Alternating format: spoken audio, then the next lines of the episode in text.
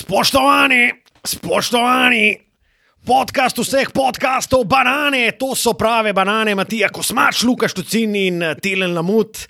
Če ne boste poslušali uh, podcasta Dvokorak, vas bom degažiral čez vzhodno tribuno No Campa. Spoštovani. Pravzaprav sem, pravzaprav sem presenečen, kako je toliko časa trajalo, da smo dobili pravo banano v podcast. A, tam je pa prava banana in pravi podcasteri, El Clasico podcastov, drage dame in gospodje. Spet smo nazaj, teden dni kasneje, kot eh, smo sprva načrtovali in obljubljali, a vseeno uh, upam, da vas je. Komentatorski kolega Goran Obrez do dobra ogrel in da lahko seveda začnemo z novo, fantastično, klasično epizodo. Kot je že omenil Matija Kosmač, Tilen Lamut in Lukaš Tucin smo zopet z vami. Fanta, danes pa nismo v živo, ne? kar malo čuden, kaj vaju ne vidim v vajne prelepe gefice. Moram reči, da je malo nenavadno. Po dolgem času, ja. Ja, kot da bi se vrnili nazaj na začetek. U, pravzaprav res. Ja, ko je bil Matko na Novi Zelandiji. Le, da smo tokrat vsi na istem kontinentu, še več kot to, celo uh, skoraj da vsi v istem mestu, ne? oziroma Tilč je. Skoraj da vsi v isti občini, ampak le skoraj da. le skoraj. Tilč ima uh, gojzarje v prtlažniku in snema v drugi občini. Ja, kje pa Tako. še Tilen? Jaz sem pa na primorskem, prijatelj. E, ma, ma, ma, ke, ma ke malo še laminko ta režeš, ne? Ma, Ma, ke malo malo, snegca, malo. ne? Malo Ma, kaj ima sneget, zimske malo gume? šalamin. Ma seveda. E, ma, to je to, ne? Ma seveda Ma, imam si gori v Brdih, zimske ne? gume. Ma kaj, ma kaj misliš, prijatelj moj? Ma, da sem tukaj v, v, na primorskem kot klasični primorci, da nimam uh, zimskih gum. Seveda, seveda, ke da imam zimske tilno- gume, prijatelj. Bandeli. Uh, najboljše, ker Tilnova primorščina je sanka, da je retardiran. Oh, wow. Ma, kaj misliš? Oh, wow. da se hecam tilčano. Tako dolgo časa te že nisem videl, da. Ko se je glih omenilo gospoda Bandelja z Matijo, ima eno zanimivo prigodo z gospodom Bandeljem, ki pa Ja.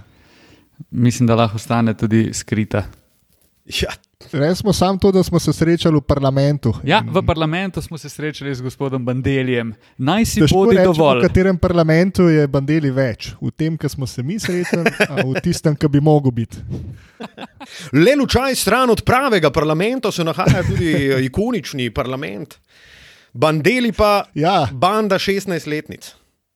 če se mogoče vrnemo par let nazaj v preteklost, lučaj stran je dobra primerjava z parlamentom in sicer s tistim ta pravim. Jaz, kar se spomnim, bi bilo treba biti malo bližje kot eh, na piru v parlamentu, da si zalučal kakšno stvar v parlamentu. Uh, Oh, a, tam je pa Oh, flashback na leto 2012, ko so protestniki s kockami granitnimi rušili prvo vlado, ne drugo. Ba, najbrž že 16. vlado, ampak eh, definitivno pa eh, nezadovoljni. Takrat je bila organizatorka protest, eh, protestov, kasnejša, seveda tudi poslanka SD. Ne, ne vse. A je kdo bil takrat tam? A sem bil sam jaz? Jaz sem bil. Namreč. O, res? A res? Jaz sem, jaz sem Nisem bil v viciniti, tako bom rekel. Uh. Nisem se pa aktivno udeleževal. Luka, kako si ti doživel to, kot človek, ki je bil v vicinitiju tega dogajanja? Um, ja, veš, zelo zanimivo vprašanje, hvala, da si ga postavil. Um, ne, v bistvu tako. Ne, uh, meni je bilo kar tako, videl sem zelo hiter, pisa tole bo, tole bo jebane. Ker so, Ja. ja. so bili eh, nekateri nepridi pravi, ne veda, seveda tam samo zato, da so delali štalo, ne, ker niso imeli nobenega Ja. sporočila, oziroma niso prišli tja nekaj sporočati, ampak v bistvu so hoteli se tepst pa razbijati. Takrat sem videl, da okay, to bojo najbrž vodni topovi in tako naprej, pa kopi, pa želve, specialci. ne. Uh, tako da jaz sem zaradi tega tudi ostal v Vicinitiju. Uh, moram pa tudi reči, da jaz nisem uh, neki fan. Uh, razen seveda v nočnih klubih in na festivalih, tega, uh, da se gužvam uh, v, v takih množicah, ki so zelo nepredvidljive. Um, in recimo bil sem v Londonu, sem bil na Brexit marču, Million, Million Man March za, uh, proti Brexitu. preden so ga uh, sprejeli, ker sem bil pač lih tam pri svoji sestri in njenem možu. Uh, in moram reči, da sem sredi tega marča, ko se je začel premikati in ko so začeli ljudje malo stiskati tudi zadnji, sem doživel kar en tak lep, anksiozen napad. No. Tako da sem se pol, sam pobral v en park in svojo mamo sem prijel za roko in jo potegnil, potegnil za sabo, uh, da smo se čez neka oska vrata. Ne, res je bilo že tako, malo, malo je bilo skeri, da smo se v en park prebila in da smo pol. Um, Se rešila, seveda, te. No, jaz, si lahko, jaz si to lahko predstavljam, ne, kako si ti dobil rahel anksiozen napad v tem okolju. Mislim, že tako, kot nisem fan ljudi, polih je pa milijo tam. Kaj misliš, da bom doživel drugega? Ej, drugač pa če se malo še vrnem k tem protestom, ki so bili uh, v Ljubljani pred parlamentom. Jaz sem bil ne samo v Vicinity, ampak prav med to gručo ljudi in prav nič anksiozen. Um, je, pa, je pa moj kolega, takratni, mi smo prišli z obale z avtobusom in takrat tiste govorice, da se je folk napil, da so prišli tja malo nežgani, pa malo bolj pogumni. To je delno kar res. Um, druga stvar pa je moj dober kolega, je pa prejšnji dan, prejšnji večer, pravzaprav, ko smo bili v enem baru. Uh, smo igrali biljard in si je sposodil eno tabelo kuglo, in ta je romala v enem pisarni. in od takrat naprej ta bela kugla več ni bila sposojena, temveč odtujena. Ja, tako in... da lahko se reče, da glede na to, da sem bil takrat v neposrednji bližini tega mojega kolega oziroma znanca, da sem bil le lučaj od parlamenta. No, je pa, je pa tudi res. Zmerili tudi z biljard kuglone. Če bo, ja. uh, če bo kdo iskal nepridiprave po protestih, ki so se v bližnji preteklosti dogajali, mogoče lahko čez kakih deset let prisluhne našemu podkastu in marsikaj bo razkrito. Je pa res, ja. da, da se ne inkriminiramo. Ne? Uh, odvetniki so nam dejali, naj. Uh, seveda, Matko reče, da je to nekdani prijatelj, to se pravi, on ga je srečal na avtobusu iz Primorske in ga ni točno poznal. Uh, so pa seveda spili kakšno znanec, pivo v, v biljardnici in uh, Matija pri tem ni imel uh, zraven prstov. Hvala lepa za vse ostale uh, izjave, smo dosegljivi samo preko odvetniške družbe Fafljač Fegebuzel. In partnerji. In partnerji, seveda, to smo pa mi. Hudo. Cool. Dobro. E, gremo k bistvu. Dejmo, kako sta fanta? Uh, fantastično. To je bistvo. Jaz sem tudi dober. V bistvu sem ravno s tistim trenutkom, ko smo začeli snemati, zaključil z delovnim dnem. Vsaj za enkrat. Mm. Ostali smo kar brez besed, glede na to, da si ja, ti. Luka, kako si pa ti? Glede na to, da si ti končal z delovnim dnevom. ja. Ja, jaz sem, Luks, jaz sem čakal na, na tilčko, ta, ampak eh, se spomnim, da je rekel perfektno, ne si tilen. Ali si čutil, ja, da je magično, čarobno? Aha. Fantastično, Luka, fantastično. Sem tudi sam sem zaključil z delovnim dnevom, vsaj za enkrat. In sem lahko rečem, da vesel, da smo se uh, končno uspeli zbrati in snemamo tale podcast.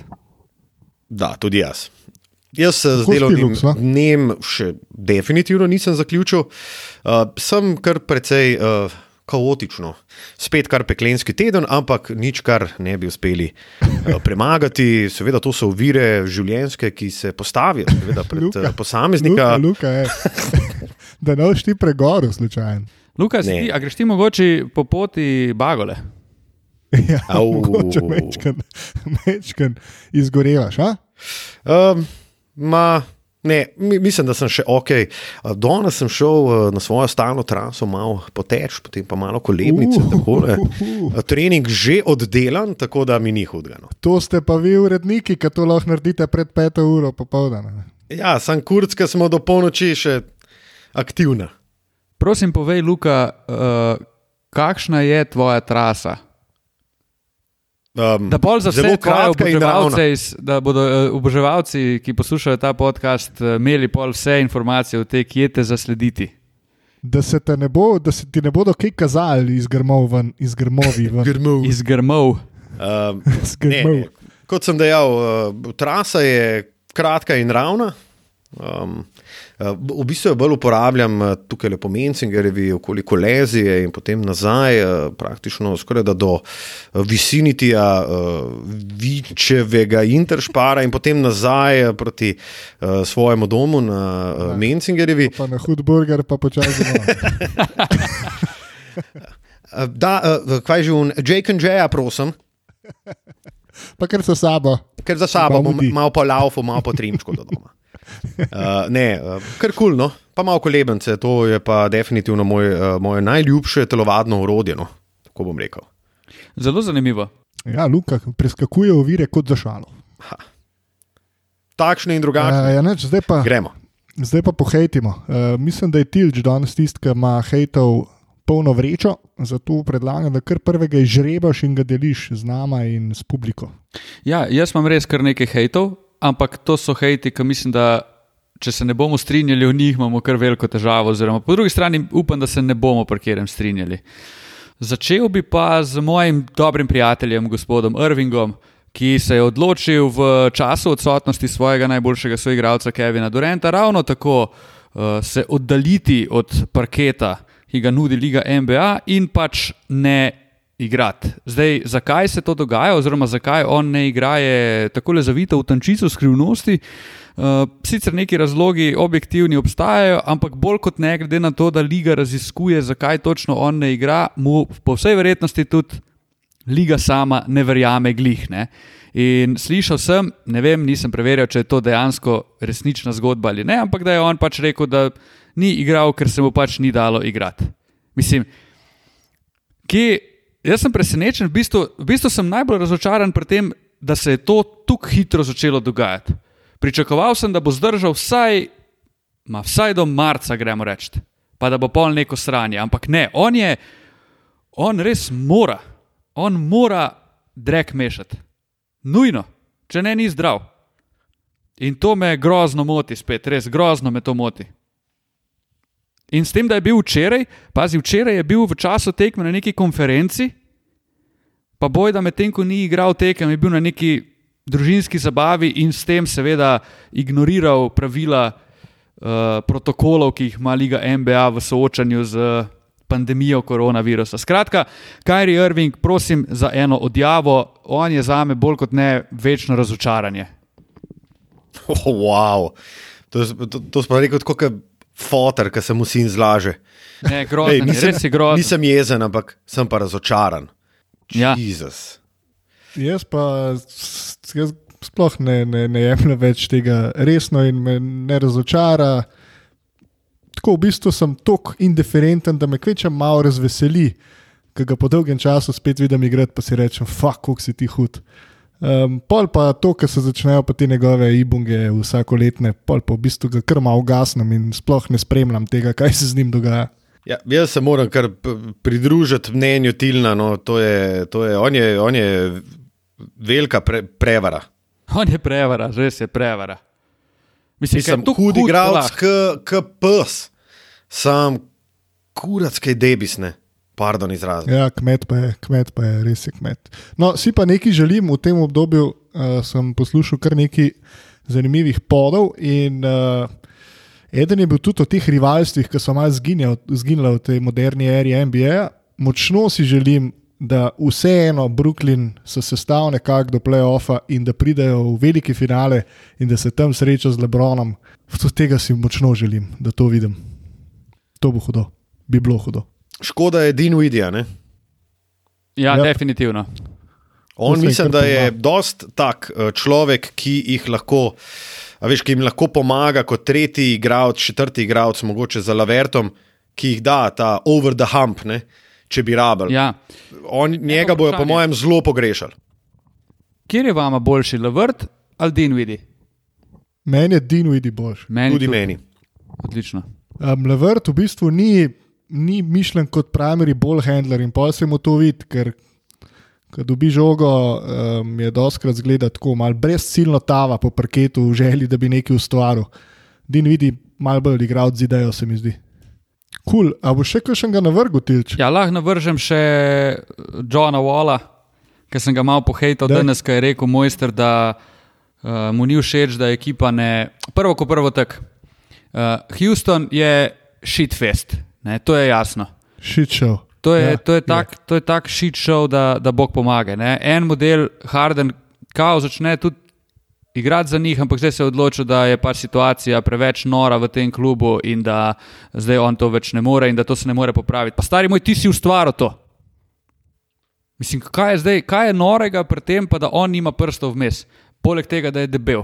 Prav, dobesedno debel. On je poleg tipa. tega, kako sem želel dejati. On ima bauheljo tako, ki jo imajo ljudje na, na najbolj rekreativnih ravneh igranja z basketom, pa tam dobiš še bolj spremnega človeka, stari kot je debel. Je. Meni je prav malo simpatičen, mi tak, tak medo, po drugi strani je pa grozen, res. Skrajno je nepripravljen. to hudo, ker pol še vedno odlom 35. Ja, to je to. tako dobro s tem Bauhom. A Je Bauh je pa res smešen. A Bog ne daj si vzeti eno številko večjega dresa, da bi vsaj malo skril. On une trenirke na začetku prav utesnjene so mu že, kako je debel. No, v glavnem, poleg tega se pa pol javi še John Wall, ne, ki pravi, da Ja, ja, res eni je. ljudje niso pripravljeni buy-inati in, in igrati te, tega basketa, uh, da bi zmagovali. Ne. Stari John Wall, kaj ti znaš o zmagovanju? Kaj ti znaš o tem, kako se sploh zmaguje? Pa se pa kot nek pričer meni tam izpostavlja, pa dej. Po, po eni strani bote tiho, po drugi strani mi je pa kul, cool, da pač reče ne neposredno, ampak vsaj posredno, da je, da je Harden en drek. Na splošno imam težavo s karakterjem igralcev, kot je najbrž za opaziti. Ja, vidim. Ja. Mislim, poleg tega, da je, kot si rekel, on ustvaril te slabe razmere v Houstonu, si je ustvaril tudi kar zavidno Bauhejlo. Uh, meni je pa, recimo, pri Hardnu mi najbolj smešen, pa se ne, da, mislim, valjda, da pogledaš, ne, ampak koliko ima on veliko rit, stari, pa to je noro, stari. On ima prav un geto buti, pizda, pa še, kar je najboljše, pa te, to trenerko za ogrevanje si nabije gor do, Ja, do, ja, ja. do podlopace si nabije in si valjda, mislim, to je ta, mislim, tako je Matko rekel, kar malo tako simpatično adipozen, tako debelinko je, ki ima zraven. K, Mislim, njega bi Medo. gledal, kako hod po cesti, pa uno, uno trobento zraven. Sam ima tudi malo tako nehvaležno postavo, tako US, da mu res poudar prsi, pa rata. Ja, pa, res, če se večkrat zredi, se to pač ful, ful vid, sploh ob tem, ko si nadene svoje, svoje joga oblačila. Pide. Dobro, eh, Tilan, si morda še imel kaj v misli glede Hedkotička ali gremo na Matkota? Ma, pejmo na matkota. Ej, ko smo dobili, hotel sem prej omeniti, ko smo dobili nadim kot uh, Bena Wallacea, ne Debo. Debo. Zdaj gledam nadimke od Jamesa Hardna. James Harden je The Bird, El Chapo, pa Jimbo Slice. El Chapo, pa Jimbo Slice. Jimbo Slice. Wow. Čez huda. Oh, More like Jumbo Slice. Um, cool, pa bom jaz do, dodal svoj, podka, svoj podcast. Wow. Debo slice, dobrodošli. v glavnem, um, jaz pravzaprav nimam nekega, ja, imam ene par takih mini hejtov, ki v nekih primerih to sploh niso. In sicer najprej sem se spomnil na um, un šut trening, ki ga je Luka Dončić opravil po enem slabem šuterskem večeru. In poslušal sem zdaj Duncan Robinson ima nov podcast z JJ JJ-jem Redikom oziroma na njegovi podcast mreži. In uh, so se pogovarjali tudi o tem, pač, kako izgledajo ti treningi oziroma šuterski treningi, oziroma če gre en ali drug, če, jo, če sta v shooting slumpu, če se pač po slabi tekmi odločita, da še malo potrenirata. In mi je ful dobro rekel Duncan Robinson, je rekel, stari, jaz tega ne bom šel nikoli delati, ker s tem bi sam se plagal, da slabo delam. Torej, da se slabo pripravljam na sezono in pol skušam nekaj kompenzirati s tem, da grem po tekmi odšutirati mal. To je sam za fucking social medijo, pa za, bom rekel, nevedne um, ljubitelje lige NBA oziroma košarke, zato da pač dobro zgleda, olega, on je pa slabo odigral, slabo šutiral in zdaj zvečer šutira. Wow. Mislim, to se mi zdi bolj kot hate, neko dojemanje basketa, ki se mi zdi, da hmm. um, bi mogli to dojemati kot bolj nek trigger za medije, kot karkoli drugega. Meni se recimo pri tej stvari se mi zdi fully zanimivo, zakaj greš po tekmi. A veš, vse kul, cool, ok, v redu, najbolj svesi, recimo, da si še mal v game ritmu in tako naprej. Ampak jaz, če bi recimo slabo metu, bi pač najprej traumiral v, v slčilnici, šel dan, šel spat, se zbudil ob 4 zjutraj, pa šel narediti kobi trening. Recimo. E, to bi jaz naredil, ne pa po tekmi, kaj mislim. Mogoče, ok, le, jaz nisem basketaš, niti uh, ne poznam, kakšni so konec koncev ti profesionalni treningi v NBA-ju, ki jih praktično skoraj ni. Ne? Ampak, ne vem, meni se, to, meni se to zmeri zdelo čuden, da se po tekmi delano. Jaz bi rekel, da, to, uh, da to mediji sami bolj kot ne napihnajo v smislu, uh, le kako je priden, zdaj pa trenira. Vsi on. Jaz si ne predstavljam to, da gre on zdaj šotirati po slabi tekmi, ker res nima nobenega feelinga, ne? da gre on zdaj šotirati zaradi tega, ker zdaj bo pa se pripravil, pa bo boljši zaradi tega treninga, da bo on boljše metal naslednjič. Ne bo, on bo boljše metal naslednjič zaradi tega, ker tako je Robinson rekel, ne vem, celo poletje treniral neke šute in bo zaradi tega boljše zadeval. Ne? Ampak razumem pa lahko situacijo, da si ti na tekmi tukaj raštelen in tukaj brez občutka, da si po tekmi tukaj živčen da ne moreš iti domov, preden ne šutneš še 200 krat na koš, pa probaš dobiti nek feeling nazaj, tako v miru, da šutneš. To pa lahko razumem. Zelo dobro obrazložitev. Komot razumem, da, da to gredo narediti, moti me, če to delajo zaradi tega, da bo kao, da rešuje svoj ugled ali whatever, s tem, ko je pol objavijo mediji, pa če se sami gredo snemati, to mi je bedno. Če pa on pač gre na igrišče, pa ga tam nekdo posname, pa pol objavi, ja, bog pomaga. Ne? Zdaj, kakšna je pa interpretacija medijev, je pa valjda, da tako je, da je v delovnem fantu. Bolj kot ne, hate medijem. Um, pa še en hate, mogoče na, na vse tiste, ki marsikdaj debelo pogledajo, ko gre še en mlad evropski košarkar v ligo NBA. Eden izmed teh je recimo Aleksej Pokoševski, ki smo ga tudi mi zelo slabo poznali, zato ker pri enem klinčevem olimpijakosu, ki komi pride med osem, če pride v Euroligi, ni uspel dobiti ene minute. Um, pol gre pa v NBA, pa si vsi rečemo, pa dobro, kva ta pova delo tam. Ne?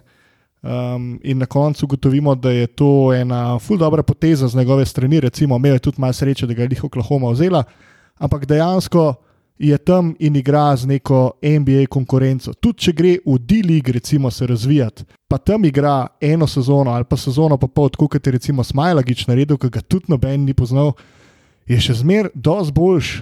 Poleg tega, da več zaslužiš, tudi zaradi dejstva, da ti igraš z nekimi potencialnimi NBA košarkari, kot da se tam neki žogaš po enih mladinskih ligah, pa z nekimi B ekipami v Evropi, kjer dominiraš in v bistvu teže napreduješ. Tako da mogoče sam hej za unek, um, te mlade igralce pa prehitro obtožijo, češ. Zakaj pa ti v NBA oziroma Ameriko, kva si tam počel? Mogoče boš šel za tri leta tja, pa se vrniti, kukar ostati tukaj. Jaz se načeloma strinjam s tem, oziroma bi sem rekel, da splošno pravilo bi, bi moglo biti, pet za tri leta, če smo jih pri teh treh letih, no, tam imaš to v svoji moči. Igral.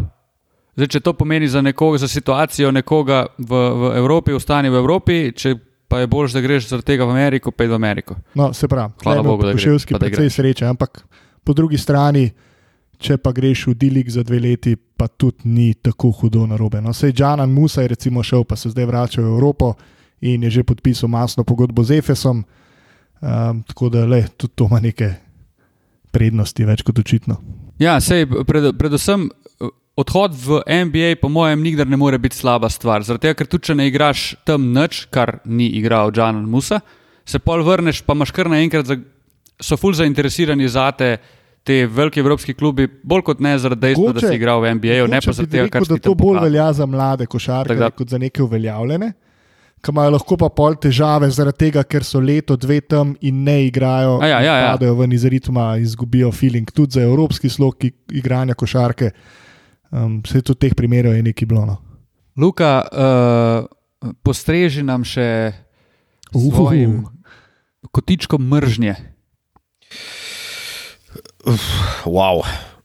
Pa vse ni v bistvu hate, bolj sam nerazumevanje. Uh, In sicer, okay, pred uh, začetkom te sezone, dokaj strogi protokoli uh, lige NBA za boj proti uh, širjenju COVID-19 med igravci, in seveda, valjda je bilo pričakovati, da se bo pač ta virus širil tudi med uh, ekipami, med igravci in to se je pač v bistvu zdaj začel po praznikih. Ne? Vsem je jasno, da je to tudi ena um, kumulacija prazničnih aktivnosti, ne? tudi ker so pač bili ljudje doma, s prijatelji in tako naprej. Mi gre pa najbolj na živce, ok, recimo ti imaš zelo strok pravilnik, pa ne vem, ne smeš uh, se rokovati, pa ne smeš biti v bližini. Um, ne vem, igralcev nasprotnega moštva, če ni treba. Pač fulje nekih zadev, ki se jih pač vsi držijo. Pol je pa na gostovanju v hotelu sta dovoljena dva gosta. Ja, in valjda, koliko jih, jih je dejansko, ne vem. Svojega otroka, pa ženo pelal sabo na gostovanje. Je valjda, da tam malega otroka pustiš doma, zato ker je težko iz njim na gostovanje in ti bo popil vse živce in, energijo, ne, in vzameš dva kolega. Ne. In ko imaš pa ti dva kolega v hotelski sobi, je pa pač stvar precej drugačna, kot če bi bila žena pa otrok. Ful ne ja. razumem, zakaj so si pluvali v lastno skledo s tem, da so pol to kar dovolili in valjda so bili pač primeri. Um, Kar sem prebral na Sports Illustrated, pa zdaj na ESPN-u, da je bilo pač valjda full lus preverjeno, kdo je dejansko prišel. In tam so bile tudi, seveda, spremljevalke noči, eh, prijatelji na Instagramu in tako naprej. Um, se popolnoma strinjam, to je zelo dober hate. In uh, dvomim, da so bili prijatelji tisti, ki so delali družbo našim priljubim košarkarjem v njihovih sobah. Uh, Fulje je bilo dobro, naprimer v Orlandu, a niso imeli tam pravilo, da te Instagram prijatelji, oziroma če ti ne poznaš igralca, oziroma če te igralec pozna sem prek Instagrama, da pač ne moreš priti zraven. Prav to je bilo, ja. mislim, napisano. Pač close, close friends je bilo. Ja, ja. Oziroma družinski člani, nekaj takega. Tako, in zdaj je bilo v bistvu dokaj podoben s tem, da pač valjda Liga NBA, zato ker ni imela pač uh, eh, 16 ali ne več jih je bilo, kot koli 21 ekip tam na enem mestu, pač tega ni, ni, ne more zdaj preverjati več. Ne? In je pač zadeva taka, da, so, da si legendice privlečejo v hotelske sobe, od kolegov do Instagramu, do influencerk in tako naprej. Ne? In pol je pa seveda to precej velika štala, kar pa tudi je. Ampak jaz mislim, da se bo umiril, par tekem bo odpadlo, to smo pričakovali in uh, karavana gre dalje. Tako. No, se to je bilo v bistvu moje vprašanje. A misliš, da bo to eskaliralo do te mere, da bi mogli vem, za 14 dni prekiniti ligo? Uh, jaz mislim, da ne. Uh, Fore pa tudi v tem. En zelo dober članek sem zanj prebral uh, in sicer pač moramo se zavedati, da ta zadeva je pač nalezljiva. Liga NBA lahko naredi, pač kar lahko naredi. Pač mora biti tudi samo odgovornost strani igralcev, kar mislim, da v veliki večini primerov je. Imáš pa pač v vsaki gajbici kakšno, uh, kakšno gnilo jabolko.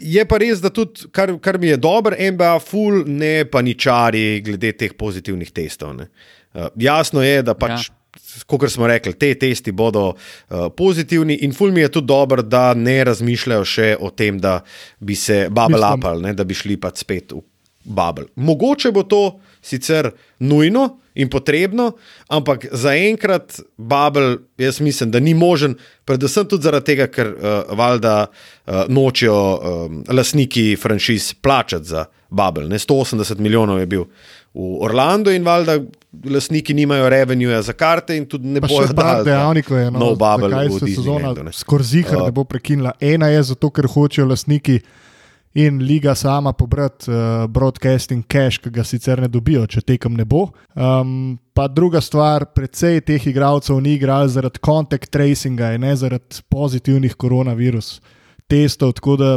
malo so to mediji. Tako. Preveč napihnili, oziroma so bili naslovi taki, da če si samo naslov prebral, si bil že ok, tole gre v franže in se ne bo zaključilo, oziroma ne bo šlo naprej tako, kot je bilo planirano. Ampak če se uh, naslonimo na tekmovanja, ki smo jih že spremljali, oziroma začetke, katerih smo že spremljali, Euroliga je imela isto težavo s tem, da imajo dosti bolj ohlapna pravila, uh, pa so se brez težav rešili in zdaj teh težav praktično ni več. NHL je imel nekaj malega težav na začetku, a ne NHL, NFL je imel nekaj malega težav na začetku, pa jih zdaj nima več. Tako da ja, jaz se tudi strinjam. No. To je res, to je bilo mogoče, mogoče je bilo tudi ja. zelo pričakovano, realno gledano. Ne? Mislim, je bilo pričakovati, da se bo nekaj takega eh, zgodilo. Ne? Jaz bi dodal še to, da mi je ful smešno, ko zdaj razmišljajo, pa ne vem, če so to včeraj se pol tudi zmenili ali ne, ampak kao da zdaj ne bi mogli Ja, več, ja, ja. naprimer, imeti morning shoot arounda ali nekaj.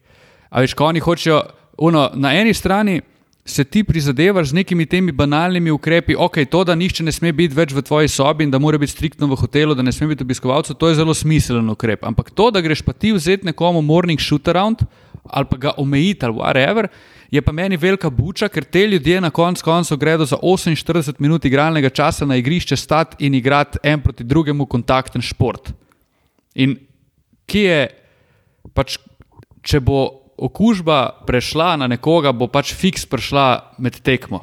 Ne glede na to, ali ti unšut around Ja, ja, umakneš, ga imaš, nima veze.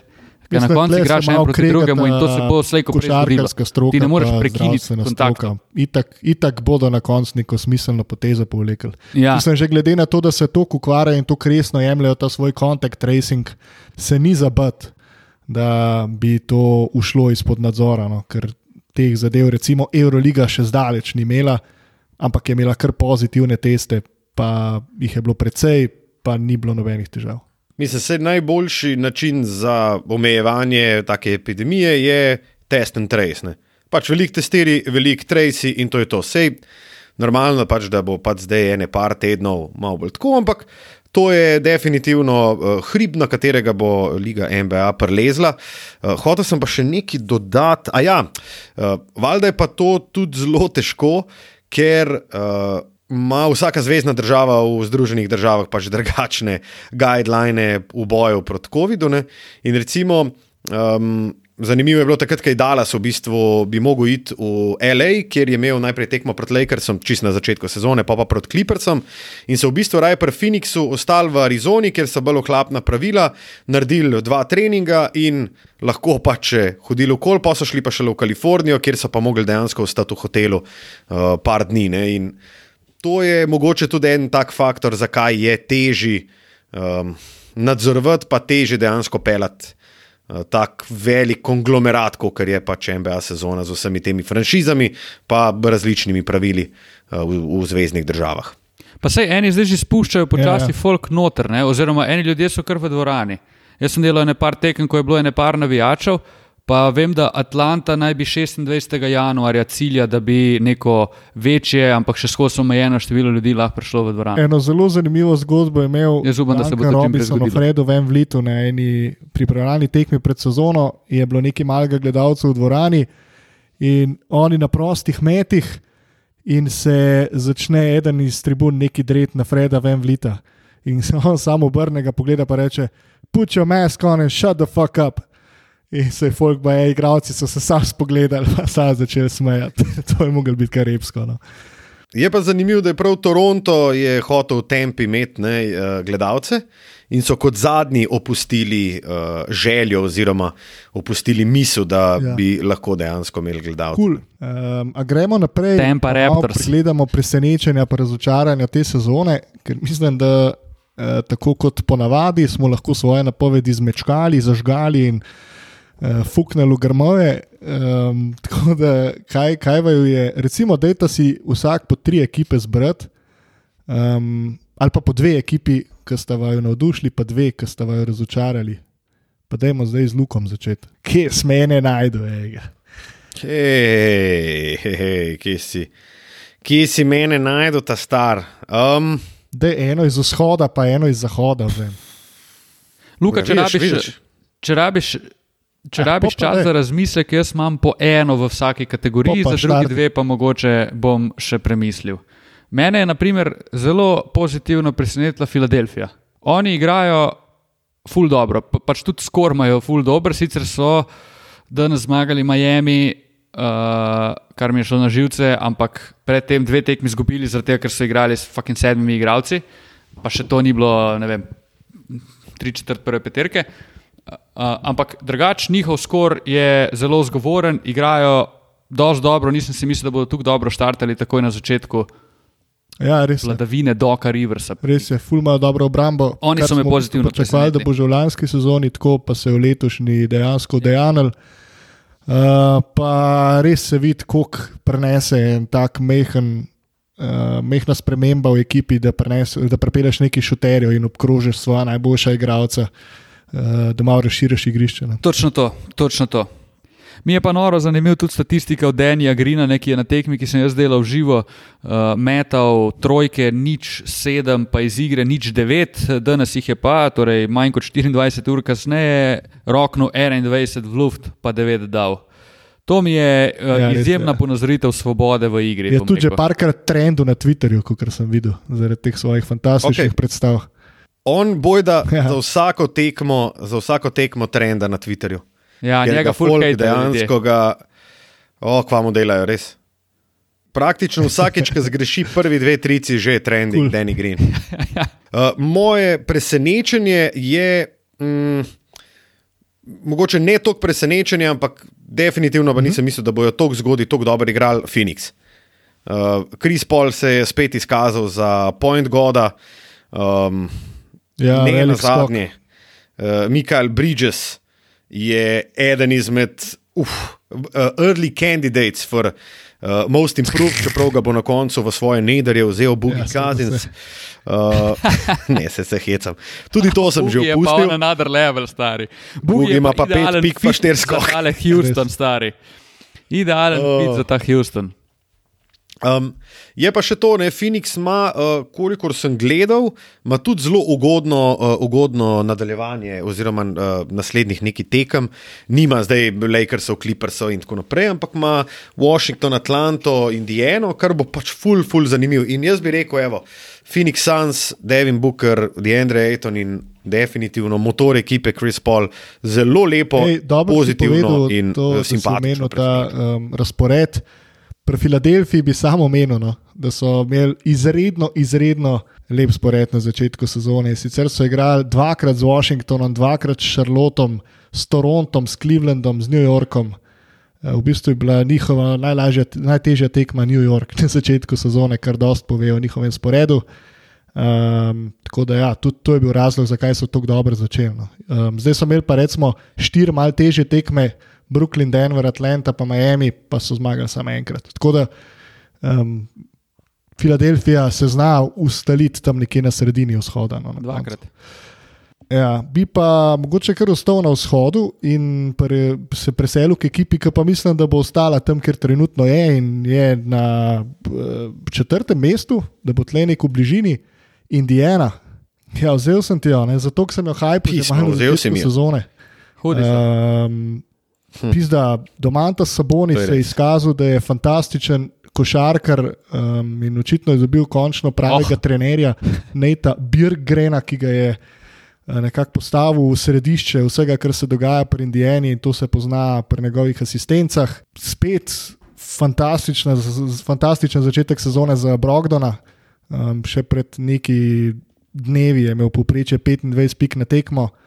Um, Viktor Ladipo tudi lažje igra, ker ima manj playmaking, oziroma ker zahteva od njega manj playmakinga. Um, Miles Turner se je očitno končno sprijaznil s to svojo roleplayer vlogo, tako da Indijana zgleda hudičevo dobro. Domantas je velik šef na začetku letošnje sezone. On je meni čist hud. Jaz dejansko kliknem, pa grem pogledat box score in Indijane, ki me zanima, kako je, je napufal. Ja, Zanj je imel uh, eno zelo noro tekmo, uh, čeprav so kaj v soboto.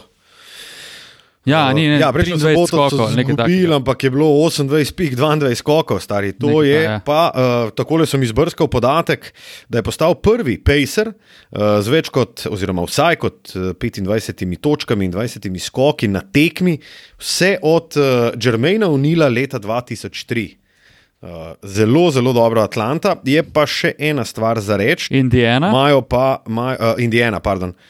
Imajo uh, pa zelo, zelo jeben uh, razpored. Uh, Veliko igrajo v gosteh, tako, tako zdaj so, uh, mislim, da sredi uh, svojega dolgega poslovnega popotovanja, v katerem so se pomerili že v gosteh proti Kingsom, zgubili, zmagali Warriors, zdaj imajo pa še tri zapored v gosteh, Portland, Phoenix, Clippers. To jim zna kar mičken uh, pokvariti. Tale lep izgled v tem trenutku. Če me kako prevajaš te angliške, angliške, ameriške najave za biznis trip, recimo. ki se pogosto, pogosto se pojavlja v njih game novcih, točno se spomnim. Ja, ja. Še bral včasih. Ja, pa zdaj je taka, Ja, ja, ja. to je vratala taka kristalna krilatica, no tako rekel. Jaz sploh več ne rečem do, dolgo obdobje gostovanj, ampak rečem pač dolgo. Eh, Tilč, poslovno druga ekipa, ki te je presenetila. Druga ekipa, ki me je pa presenetila, je pa. Hudo. Lahko rečem celo New York Knicksi. Ha, Stari, oni so deveti, pet zmag, šest porazov. Sicer Tom Tibodov bo v roku enega leta uničil kolena od Juliusa Renda, pa, pa kaj je že, no, RJ-ja Bereta.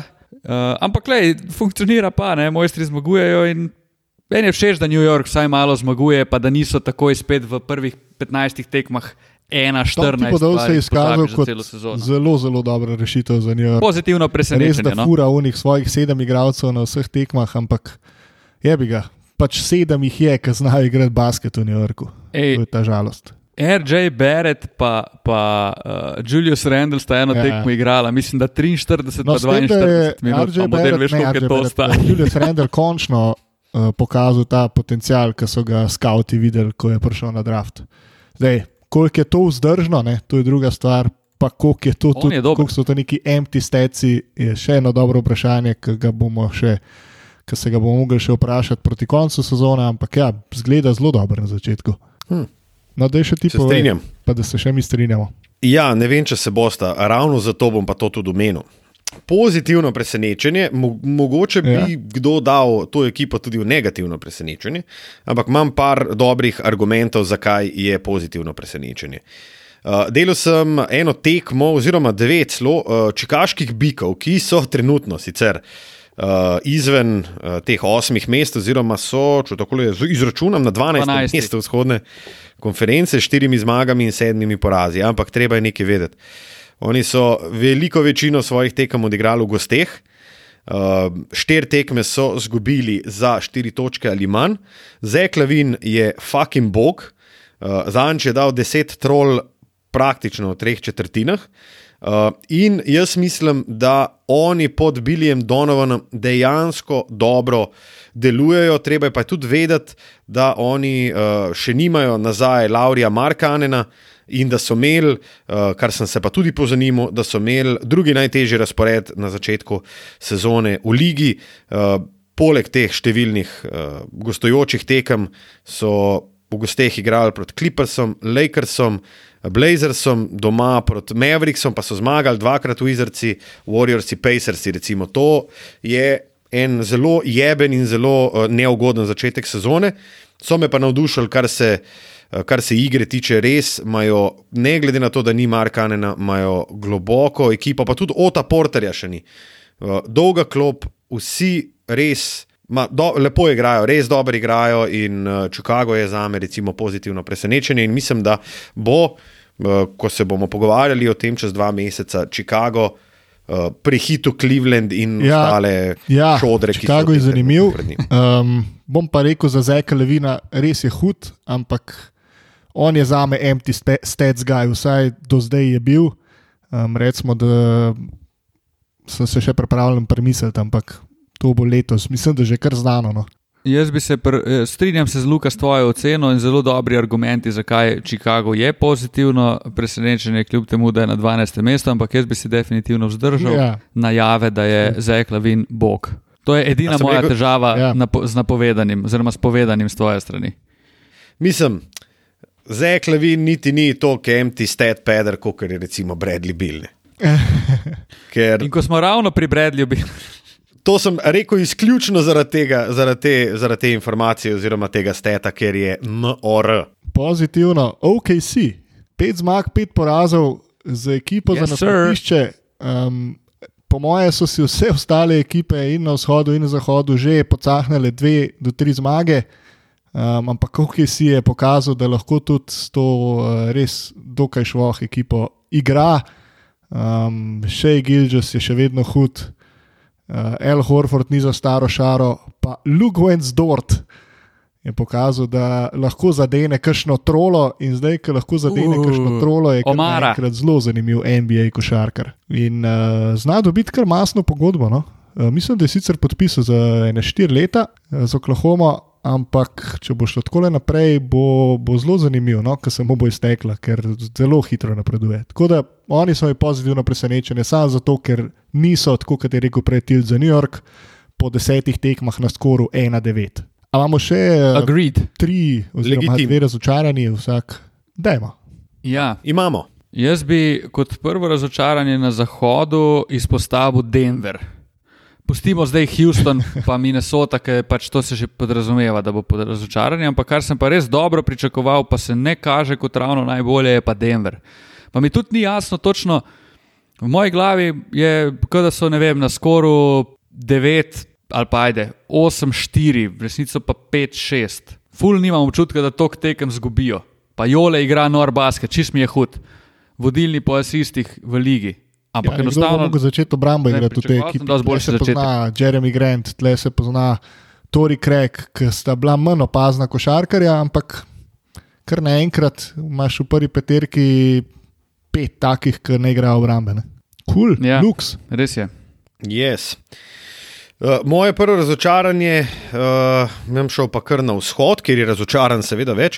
Uh, bi pa recimo tudi Cleveland uh, dal zraven New Yorka. Ampak ja, ker s- igrajo zanimivo. Pa Sexland je najboljši nickname v zgodovini NBA lige, verjeten. Ja, ja, ja. ja, ja. Ja, definitivno. Um, ampak imeli so, ful, v bistvu, hev, jeben. Ena pet so imeli zdaj v Ej, šestih a sta videla, a vse sta videla Dramonda, kako je poskrbel za eno Uh, bi pa kot- te sezone? Stari, kakšen brain freeze, to je pa neverjetno. Ja, definitivno. Noro. Okay. Tisti, ki Kak veste, veste, baus. tisti, ki ne veste, mogoče bodo vlukali zapiske. Zelo dobro.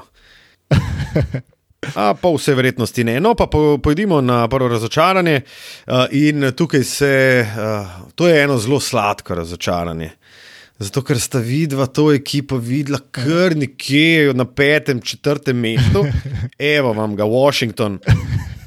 Washington je taka bula in eh, kot sva prej s Tilnom rekla, je eden izmed najboljših eh, podatkov, je, da ko Bradley Bill doseže 40 točk ali več, je, eh, to se je zgodilo 12krat in od tega je Washington dobil vsega eno tekmo, ko se je to zgodilo. Um, Zelo slab začetek, 3-8 je njihov skor, zadnjo tekmo so dobili. Je res, da so izgubili Tomasa Bryanta zaradi Ma, Torna. ma, veze, ACL-a, prvi center je To pa nima- sploh to ne nima igra veze. slabo, stari. To nima veze. Ma- to, s tem, ma, ma, s tem ma- kar ti zdaj govoriš, nima veze. Ne, ne, ne, ne igra, ampak on je, ja, zdaj okej, so oni ja, ja. odigrali Pri eno tekmo, trenutnem potem ko so skoru pa njega ne- izgubili. To pa se strinjam. Ni, niso ga izgubili na prvi tekmi. Ne. Da, ampak tudi, ok, se ima Westbrook, ima tudi. Uh, Westbrook ima težave z igranjem basketa. Mišico, pa z nekimi prsti, bo kam jih je tlačil. Ej.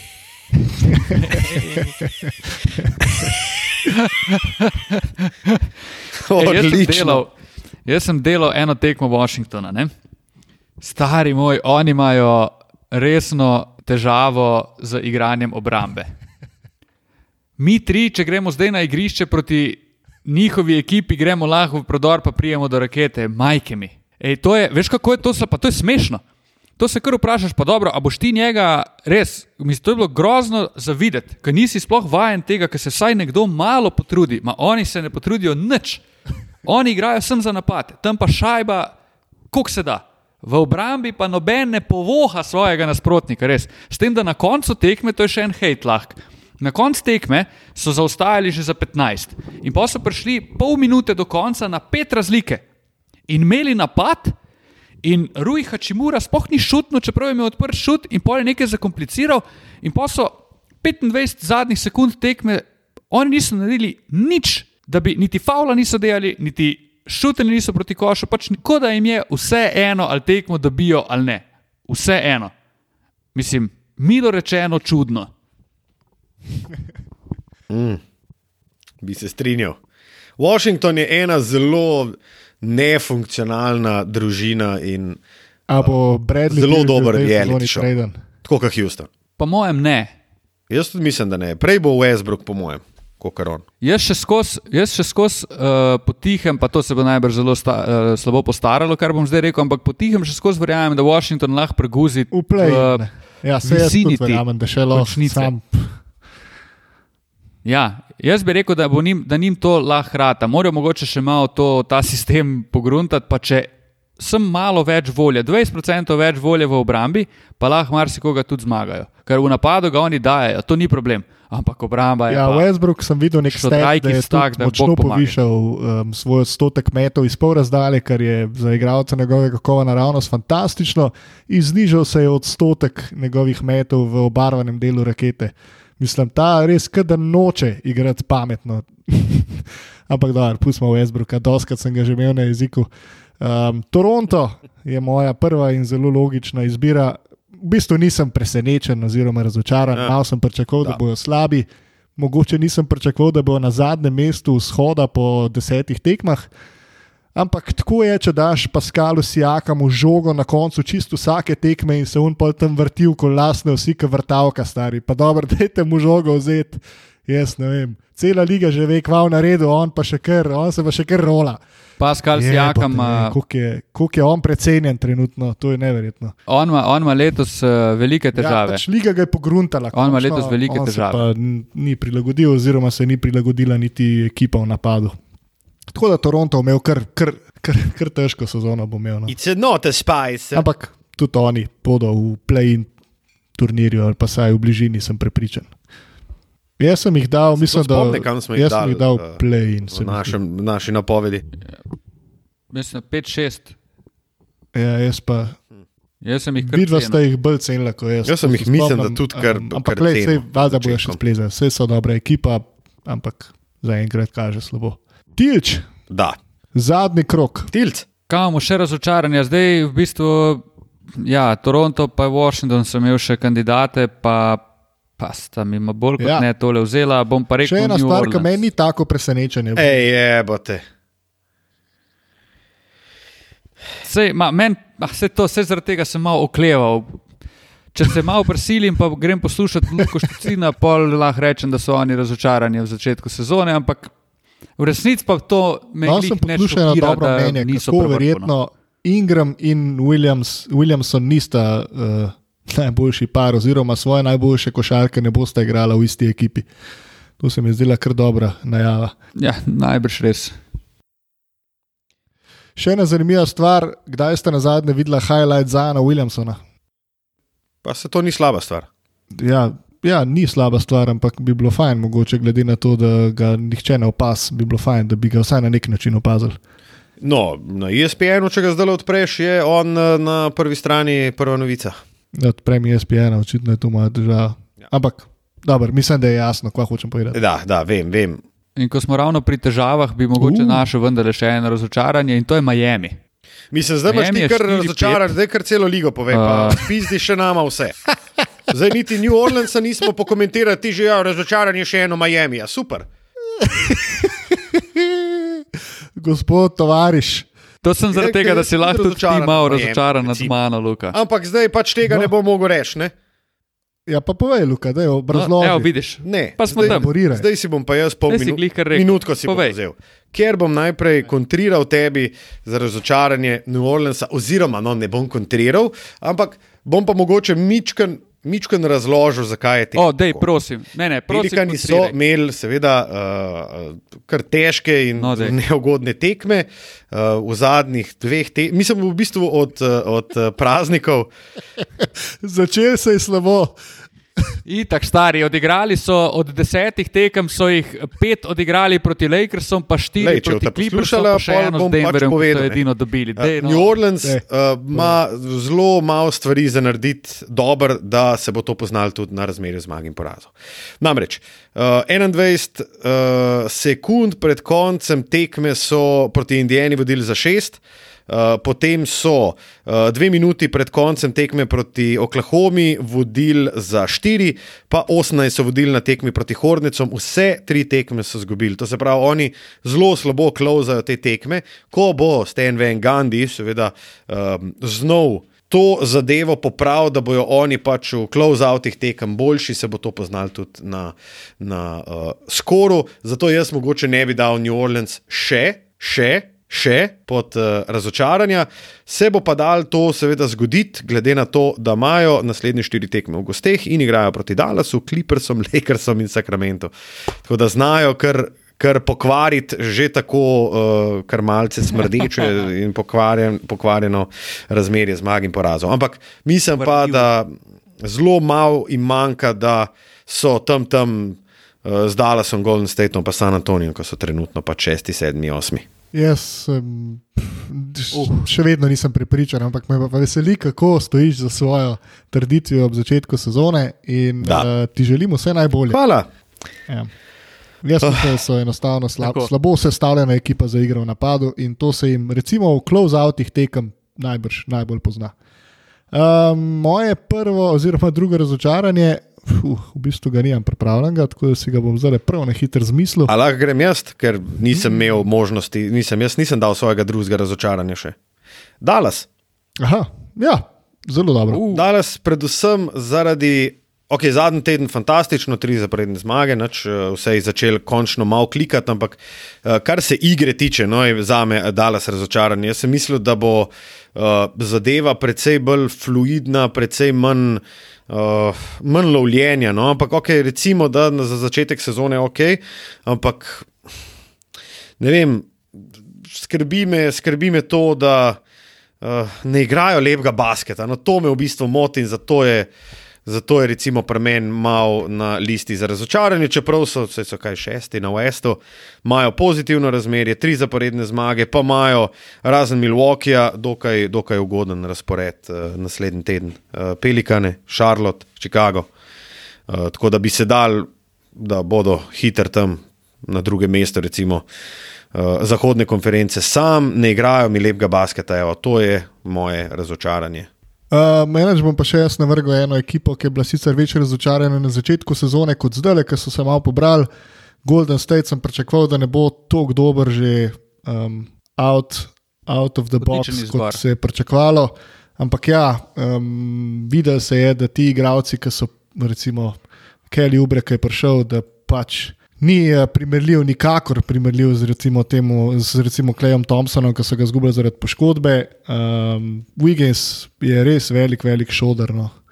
Glede na to, da so mu zdaj res dali, mislim, da vse opcije na tem svetu, da se nekako oddolži za slabe predstave na začetku kariere, um, ampak zdaj enostavno vidimo, da je slab košarkar. Um, ampak Stef in Draymond um, sta nekako uspela to ekipo narediti funkcionalno.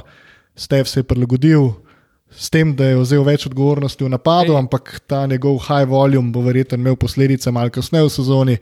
Draymond je pa pač eden bolj pametnih igralcev v ligi, če že ni najboljši šuter ali pa najboljši skakalec ali pa najboljši podajalec v ligi. Recimo. Veliko ljudi hejta Ne, kar Raymonda kralj, Greena, ampak meni je pa on kralj. Stari Golden State igra dober basket, basket, v katerem zmagujejo Ja, tekme, ker oni so trenutno 6-5, če se ne motim, v skoru. In to se dogaja, odkar je on prišel nazaj. Začetek sezone, ko njega ni bilo, ljudje Tako so je. jih guzili isto kot na začetku lanske sezone. Za 30.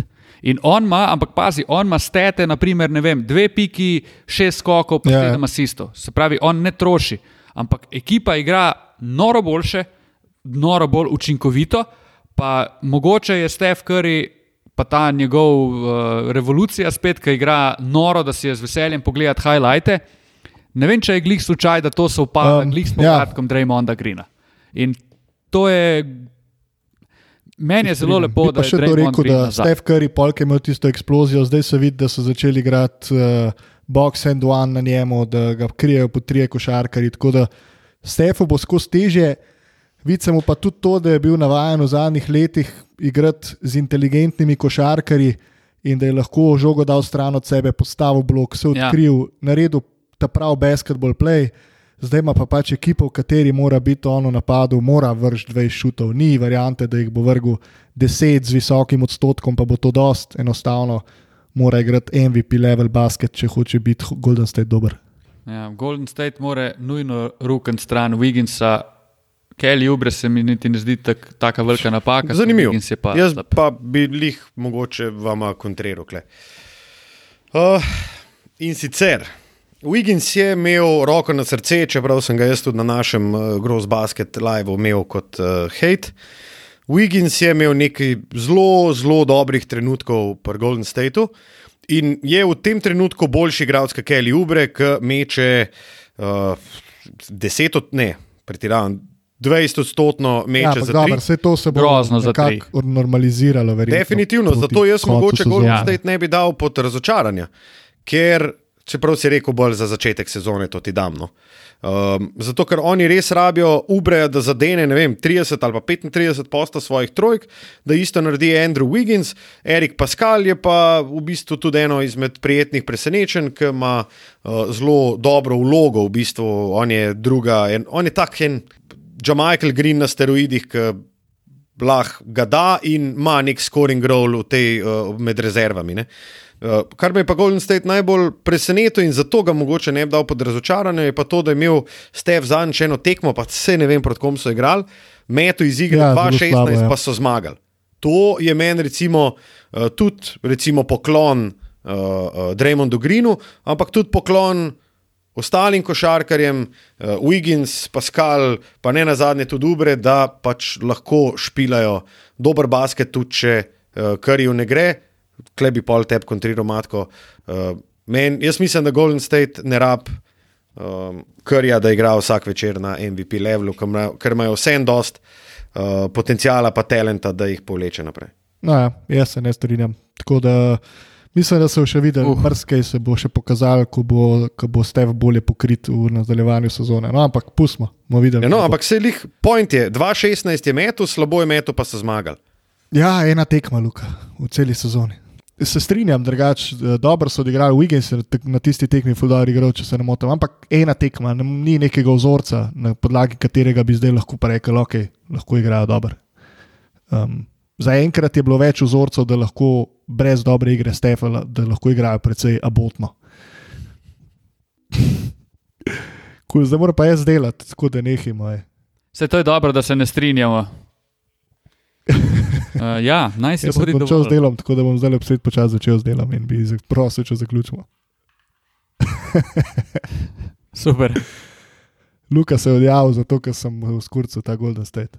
Ne, ne, ne, ne. Jaz sem, jaz sem itak haj na Golden State, kot sem na New Orleansu in uh, jaz se bom tega držal. Uh, potem ti Pravilno. bom pa, seveda, ko bo čas pravi, vse fuknil faco. Uh, hvala za vašo pozornost, drage dame in gospodje. Podcast Dvokorak se vrača čez dva tedna, tokrat pa res. uh, Se iskreno upravičujemo, ker smo bili tokrat teden prepozni, ampak upam, da smo vam s tem sladkorčkom polepšali te, uh, seveda, samo izolacijske in karantenske čase. Teninin.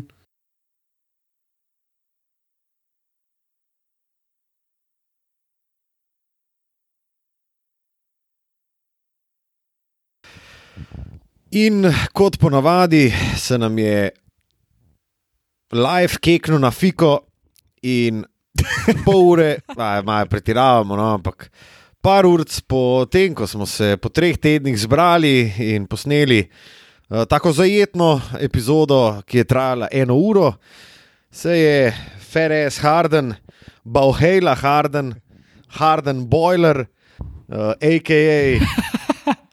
debela kaka Harden. Odločil, da ja ne, zdaj pa gremo ne. in odšel v Brooklyn, v bistvu v tradu, fanta, pa povejte mi, koliko časa že ni bilo tazga trada, uh, tako visoko profilnega trada, kot je ta. Jaz sem razmišljal, da mogoče celo od KD-ja v Golden State ni bilo res tazga premika. A sem jaz mogoče kaj pozabil ali kar drži to? Hm. Zelo dobro vprašanje. Zdaj mi trenutno ne pade noben na pamet, ki bi ga lahko primerjal še s tema dvema. Sploh pa ne, če govorimo Ja, ja, o ne. klasičnem tradu. Ne? Ok, so šli free agenti, tam sem se, Durant je tudi bil, to je bil free agent signing. Ne? Ja, ja. Ja, sign and trade, ne, je bilo kar nekaj sign and trade, je bilo takih močnih. Ne vem, Paul George, Tako, recimo. Paul ja, George, Kawhi, Kawhi. Tako, tako. Kawhi. Sam dober Kawhi je bil free No, agent. dobro, sej. Anthony Ne Davis. bil, ampak KD mislim, da je bil Ja, sign and KD je trade. bil sign and trade da in v Golden to. State in v Brooklyn, ne, če se ne motim. Ja, točno Ja. tako. Tako da si v bistvu si čist prav povedal, ni bilo tako velikega trenda od Kevina Duranta naprej. Ja, ja, ja. Uh, Um, da, da jaz obelodanim tale trade, ker imam njih odprt, kaj se je točno zgodilo.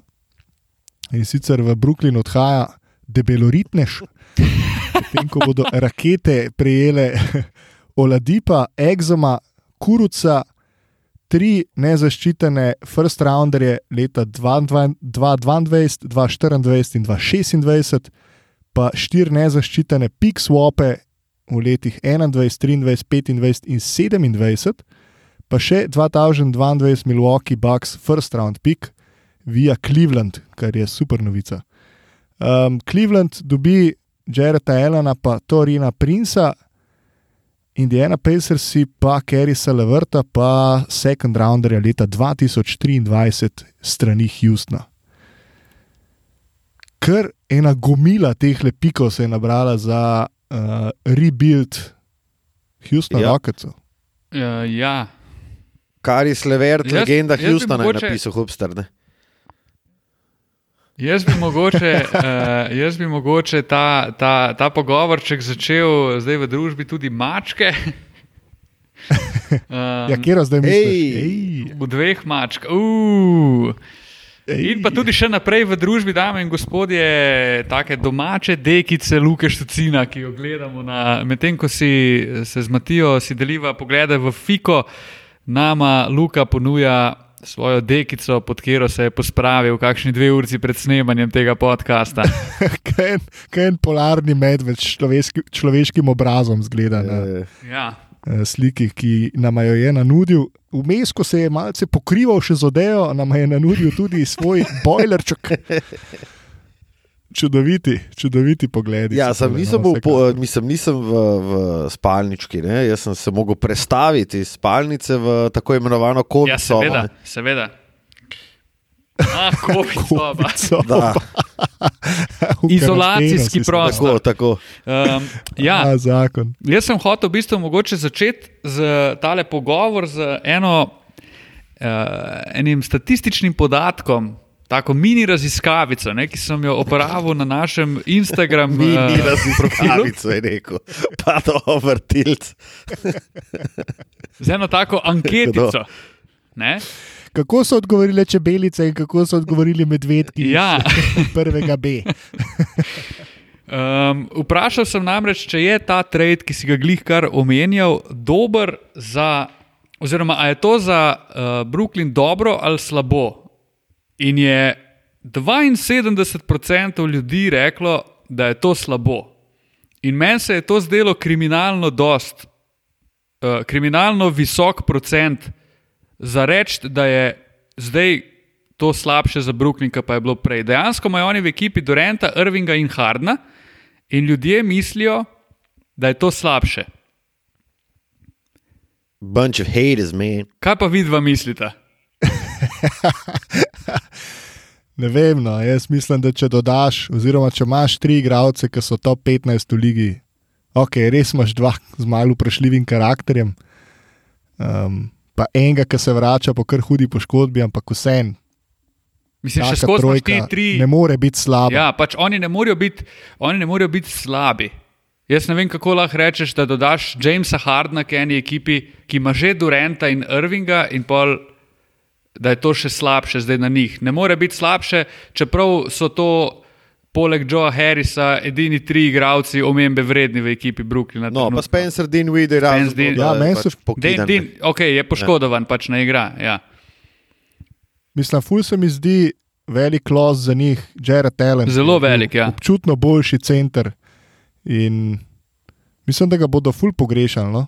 pod košem, ker DeAndre Jordan je senca samega sebe izpred let. Ja, DeAndre Jordan je, sem vesel, da ima tam med temi ljudmi, ljudmi prijatelje in še skozi lahko igra v tej ekipi. Mislim, je pa to verjetno najboljši prijatelj v ligi, ne? glede na to, kaj vse se je zgodil in je on še vedno tam in še vedno je prvi center ekipe. To je kar bizarno. No? Ja, to je res. Mislim, jaz bi na to, na to, To to res. našo anketo, oziroma to tvojo raziskovalno nalogo, ki si jo upravil, bi gledal s kančkom soli, zato ker jaz mislim, da je pač ful več haterjev Hardna oziroma Brooklyna, kot je nekoga, ki bi pač malo naredil dva koraka nazaj, pa malo pogledal zadevo z distance in pač rekel, dobro, stari, oni imajo arguably tri v top 10 najboljših, tako pure shooterjev v ligi, pa tega bi rekel top 30 vseh cajtov. Če tako gledamo. Ne? Oni imajo tri najboljše shotmakerje v ligi, najbrž. Najbrž Mislim, res. Imaš Ja. še, imaš še zdokaj letos bila, pa imaš Karja, pa Donko in tako naprej. Ne? Sam ja, tako je. Lebrona, pa tako Oni naprej. so ampak up there, mislim, So pa oni up Ja. there, Tilen, da se tudi jaz malo pohvalil, pohvalim tako le moja raziskovalna naloga z naslovom, koliko denarja daš za debelo kako, pa uh, se glasi, mislim, pa je takole. ne. Uh, Harden, Durant in Irving so skupaj uh, na payrollu. Vredni 114,8 milijona dolarjev, I- kar je stari. Recimo, tako le bom navrgel nekaj številk, približno, približno 22 milijonov več, kot je cel payroll Nixov. Uh, 18 milijonov več, kot je cel payroll Oklahome, no potem pa gremo na 10 milijonov več kot Charlotte, uh, 7 milijonov več kot Sacramento in identično kot Atlanta. Oni so res šli uh, all in, tako le so uh, zatisnili so ga, vse žetončke na sredino mize, uh, Sean, Sean Marks. Ne? In gremo, obenem je pa tudi, uh, to je pa treba reči, dal na kocko tudi prihodnost. Ne? Čeprav je bil točno on tisti, ki je Brooklyn rebuildil po uh, zelo neumnih potezah iz preteklosti, ampak je to, mislim, da precej bolj legitimno kockanje, kot je bilo takrat uh, z ostarelima, uh, ostarelima Persom in Garnetom in tako naprej. Ne. Predvsej so se pojavljali tile, tile možje iz tiste prejšnje ere Brooklyna in primerjave, kaj so takrat naredili. Ampak ne vem, ni primerljivo to, da imaš uh, tri igralce v svojem zenitu, kar se vsaj starosti tiče, pa da imaš Pirsa pa Kevina Garneta, ki sta igrala na zadnjih nogah. Pa, Um, enega Derona Williamsa, ki je bil v bistvu takrat že afterthought na Ja. Playu, um, pa enega Kirilenka, ki je bil že tudi v bistvu adijo, ki je sam še čakal, kdaj gre nazaj v Evropo. Tako da, tudi če so si oni zakockali naslednjih sedem let, pa če v naslednjih dveh letih usvojijo en naslov, je vse to vredno. Ja, se oni so šli v klasičen win now. Ne? Jaz najprej, ko sem videl, da, ko sem videl, da se je to zgodilo, sem jih kuno, ok, končno se je to zgodilo, ne? ker smo čakali ta fucking fat ass harden trade že dolgo časa in on ga je čakal in se je slejko prej mogel zgoditi. Ne? Pa, ko sem pogledal, kaj se je Brooklyn dal, je, sem bil kar uno, ok, mogoče je to kar dost, ampak še skozi dobili ste Hardna, imate tri med najboljšimi igralci v ligi. Ne? Pol, ko sem videl, da je fucking Oladipo, kar se znašel v Houstonu, pa da gre Lavrt v Indijano, sem bil, ok, what the fuck se dogaja zdaj tle. Uh, ampak Brooklyn, če enkrat osvoji, je pač svoje delo naredil. N- Jaz ne bom presenečen, če te tri poglavarji ne bodo skupaj osvojili nikoli, ker so tudi malo vsak zase problematiki in zelo težko bo vse to skupaj handlati. Me pa ful zanima. Uh, tako sem včeraj napisal ti, Matija, jaz bi najraje, ko se taka stvar zgodi, bi najraje videl fast forward za ne, ne vem, 14 dni, 3 tedne, pa da imaš že pol neko oceno, kaj, kako to vse skupaj zgleda, pa saj lahko nekaj rečeš, pa vidiš, kako zgleda na igrišču. Ne? Ker oni po eni strani lahko gredo, lahko da bodo redni kontenderi, lahko da bodo pa čisti bast, pa se bodo skregali in bodo dobesedno propadli sami vase. Ja, glede na karakter je to sploh ne bilo nobeno presenečenje. Je pa dejstvo, da bomo mogli počakati, mogoče ne samo 10, ampak 20 tekem, zato Ja. ja. da bomo videli, kaj sploh pomeni, um, ko ta trojka igra skupaj. Uh, Harden ni v formi, oziroma ni v formi, ni v pravi fizični formi, tako rečemo. uh, Kajri ni v pravi psihični formi, tako da trenutno je edini KD, ki je sposoben igrati basket. Uh, pa tudi, če so vsi v dobri psihični in fizični formi, smo videli, če ne druge, pri Miamiju, da traja 10-20 tekem, da se ekipa Ja, ja, malo poveže. Definitivno. Uh, da zgubi neki tekem, da, da, da dobi neko kemijo na igrišču, da potem zgleda zadeva, kot bi moral. Meni, Jaz bi celo rekel, da o basketu Kevina Durenta, takoj po poškodbi, se mogoče celo malo premalo govori, ker ti bola Res na res zelo dobro igra letos. meni je zelo zanimivo, ko, ko rečeš, uh, Matija, da je en, ok, ni v dobri fizični formi, to je pač pomeni, da, da, da je Bauhela izrilne, pa da ni v dobri psihični formi. Ne. Pač, e, AKA neumen je pač. To je to, mi vse, ne, ne, se se Ne, ne, to sem mislil, Kajri. Sej, ja, ja, sej, AKA debilje. Ne. Uh, Aha, mi, okej, mi ja. kleful Ja, ja. delamo neke, mislim, imamo neke napovedi, ampak vse ob predpostavki, da bo Irving dejansko pač začel špilati basket, oziroma da bo šel, da bo pač spet zginil, pa se malo vlačil po rojstnih dneh, pa, pol malo, a, jaz pa bi špilil, pa ne bi špilil, pa personalizem, pa dobro, pober se ta star. Mislim, mal, to, to pa je Mičken, uh, Mičken too much. Jaz bi sicer za ta trade, če lahko kar odpeljem zadevo naprej, uh, jaz bi rekel, da je ta trade tak win-all, uh, um, da so vsi zmagali situacijo. Jaz mislim, da so lahko čist vsi, ki so upleteni v ta trade, še kako zadovoljni s svojim delom, ki so ga upravili, pa s tem, kar so dobili. Je pa zanimivo, da sem tako malo razmišljal in sem de, dejansko prišel do zaključka, da je mogoče celo Cleveland zmagovalec tega treda, kako koli se čudno sliši. Mislim, kar, kaj so oni dali za Jareta Elena, ne? Enega first rounderja. takoj daš. Za nekoga, ki je star 22 let, ki ti se upada s tem, uh, z Garlandom in Sextonom, ki sta oba o, 20 pa 22 sta stara, ne? stari ti imaš v bistvu tak young kor, ki je hud. Ok, na kratki rok imaš pa res pač nek clusterfuck na visokih položajih, ki imaš Nensa, Gija, ja, ja, Dramon, Dalava. Uh, ampak to je pač samo kratkoročno, sej ti Ja, lahko ja. tudi tradeš za to. in- Ja, To tako. potredaš. Ne? Tako da Cleveland je, kar se meni tiče, je tale trade uh, dobil. No? Jaz bi še to rekel, da Indijana se je rešila iz ene take neugodne situacije z Oladipom. Veliko je bilo govoric o tem, da Oladipo noče tam igrati, pa pol hoče tam igrati, pa tudi na, na podobnem nivoju debilizma je bil na trenutke kot Kyrie Irving. In zdaj so se oni v bistvu tega free agencija, s katerim bi se pol ukvarjali polet, a bo zdaj Oladipo šel, ali bo ostal, ali ga sploh hočemo, ali ga nočemo, ali ga moramo preplačati. Tega so se čist simple rešili, pripeljali so Kerry Salavrta, ki bo sicer zanimiv fit za Indijano, um, ampak kar se tiče kvalitete igralca, se mi zdi, da tukaj niso nič zgubili. Bo pa to zanimivo v smislu fita, v smislu uh, taktike, kaj bo treba prilagoditi, da bo dejansko Kerry Salavrt lahko uspel ob Sabonisu. Meni se pa jih zdi, da je Lavrt v bistvu manj problematičen, kar se fita tiče, k uh, Oladipo. Lavrt ne bo hotel tok žoge, ne bo tok dominant ball handler, pa obenem se mi zdi, da je Lavrt je tak, tak vojak. Dobiš ga v ekipo, pa dal ti bo.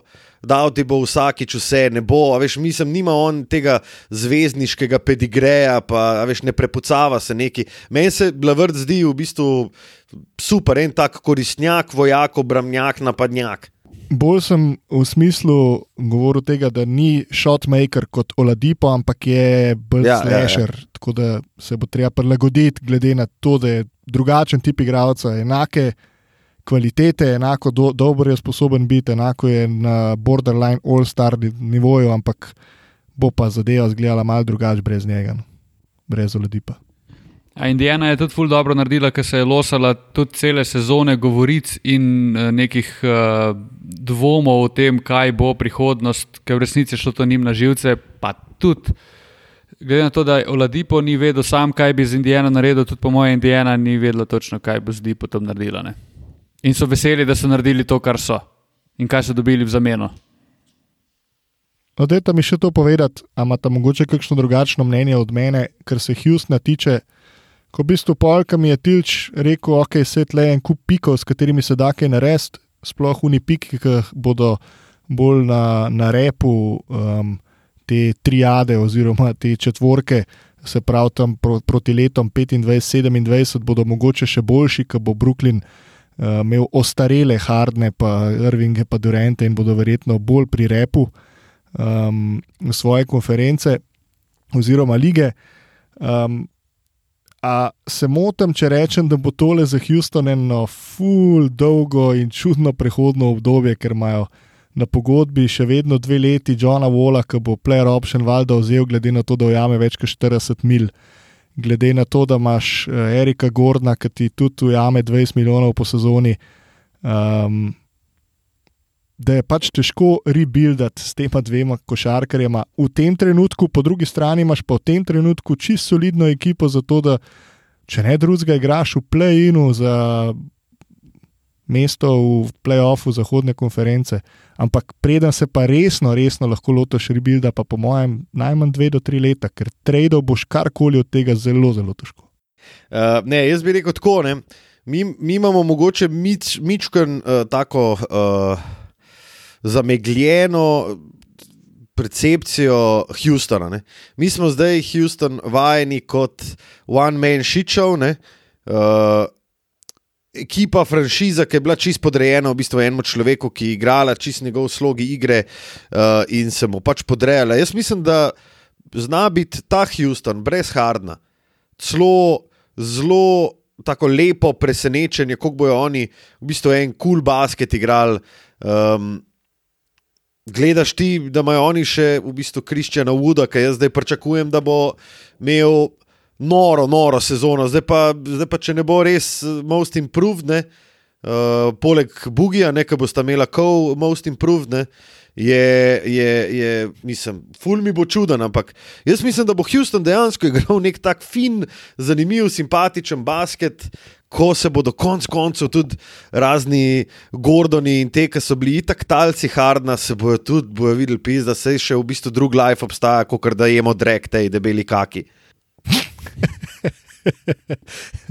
ja, ampak dobro, misliš, da lahko naredijo kaj več, kot pridejo v play-in?